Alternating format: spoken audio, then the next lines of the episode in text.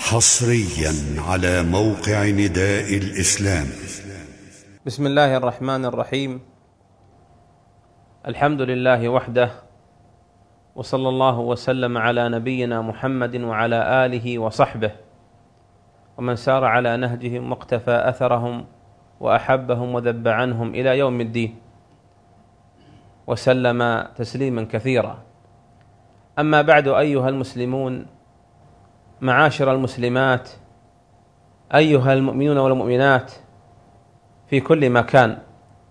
أحييكم جميعا بتحية الإسلام. تحية المؤمنين بعضهم بعضا. تحية ملائكة الله لعباده وأوليائه.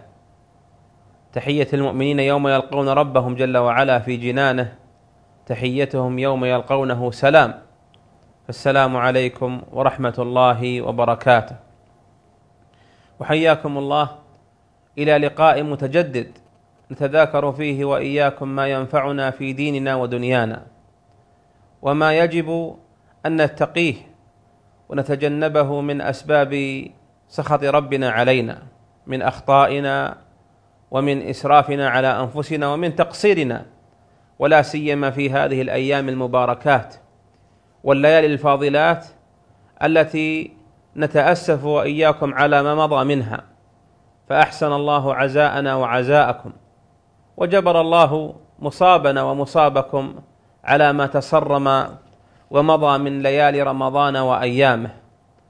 ونرجو ربنا ونسأله ونستغيث به ونستعظم الرجاء عنده أن تكون تلك الأيام وتلك الليالي مما كتبت لنا لا علينا. مما عادت علينا بالمحمدة عنده وبكثير النوال والثواب لديه جل وعلا. أيها الإخوة ليالي رمضان ولا سيما ليالي العشر الأخير منه تعمر فيه الأسواق ويكثر مرتادوها ويعظم اللهو عند كثير من الناس. إلا من رحم ربي فإنهم عمروا مساجدهم. عمروها بالتراويح في أول الليل وعمروها بصلاة القيام والتهجد في آخره. مساجدهم عامرة بذكر الله فمن مصلي ومن مسبح ومن مستغفر ومن قارئ القرآن ومن متنفل ومن متذكر ذنوبه وإسرافه وآخرون هم في لهوهم يلعبون. وفي غيهم يعمهون وفي ما لا يفيده لا يفيدهم مشتغلون. في هذه الليالي يستعد الناس للعيد في شراء الألبسة والأطعمة والأثاث والأواني الجديدة ليوم العيد. وما درى هؤلاء أن عيدهم يوم يلقون ربهم فيفرحوا بعملهم الصالح. فكيف تشتغل بهذه الأشياء وأنت في زمن فاضل قد يفوتك فيه الكثير من العمل الصالح؟ نعم العيد يوم فرح والاشتغال فيه أمر مندوب إليه لكن لا يكن هذا الشغل في العيد والتجهيز له والاستعداد له على حساب هذه الأزمان والليالي المفاضلات والليالي الفاضلات. لأن الله عز وجل جعل هذه الليالي ليالي العشر الأخير خير ليالي العام مطلقا. كما أن أيام عشر ذي الحجة هي خير أيام العام مطلقا. فانتبه لهذا يا أيها المسلم. وانظر واستبصر. انظر إلى هدي النبي عليه الصلاة والسلام. كيف كان في هذه العشر؟ ثم استبصر في نفسك وفي عملك.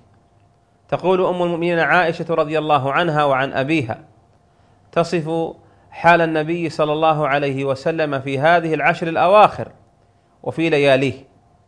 تقول رضي الله عنها كان النبي صلى الله عليه وسلم إذا دخل العشر أيقظ أهله يعني أنه لا ينام إلا قليلا وشد المئزر لماذا؟ لنشاطه وإقباله على العبادة وعلى الصلاة والقيام. وأحيا ليلة بما يا ترى يحيي نبينا صلى الله عليه وسلم ليلة. إنها بالصلاة وطول القيام والركوع والسجود والقنوت.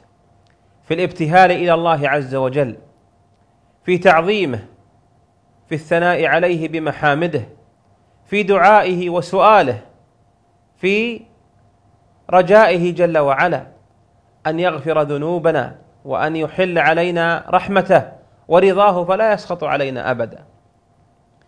انظر إلى هذه الحال في حال النبي الكريم صلوات ربي وسلامه عليه وقد غفر الله له ما تقدم من ذنبه وما تأخر. ثم اعتبر في حال نفسك يا أيها المسلم ويا أيتها المسلمة ثم استبصروا في حال من تعرفون من أخوانكم وأقاربكم وأهل مجتمعكم. نرى والله البون الشاسع. فرسول الله في هذا الهم وهذا العمل وفي هذه وفي هذا الجد وهذه المثابرة. ومنا ومن أحبابنا بل ومن أنفسنا من ضيع هذه الليالي عليه في تجول بالأسواق من سوق إلى سوق.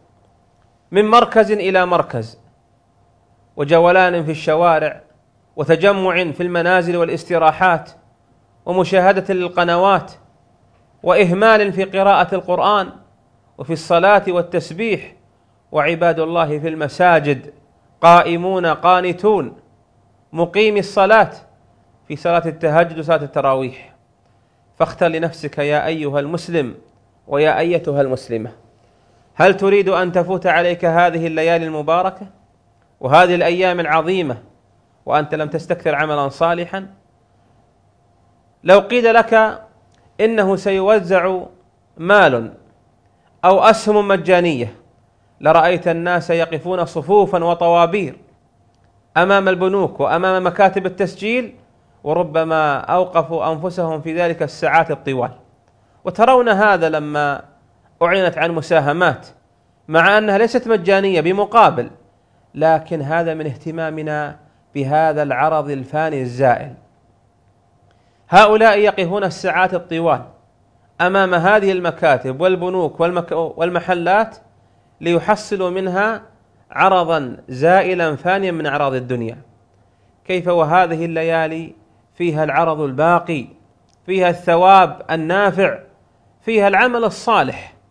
فكم واحد منا محروم من هذا؟ كم واحد من المسلمين والمسلمات محروم من استغلاله هذه الأزمان الفاضلات؟ مضى ما مضى من الشهر في تقصيره وفي إسرافك فيه؟ ألا فاندم على ما مضى واستعذ بالله من الشيطان واستعنه سبحانه فيما بقي من شهرك وفي ليالي رمضان. لا تفوتك صلاة التراويح ولا التهجد مع المسلمين.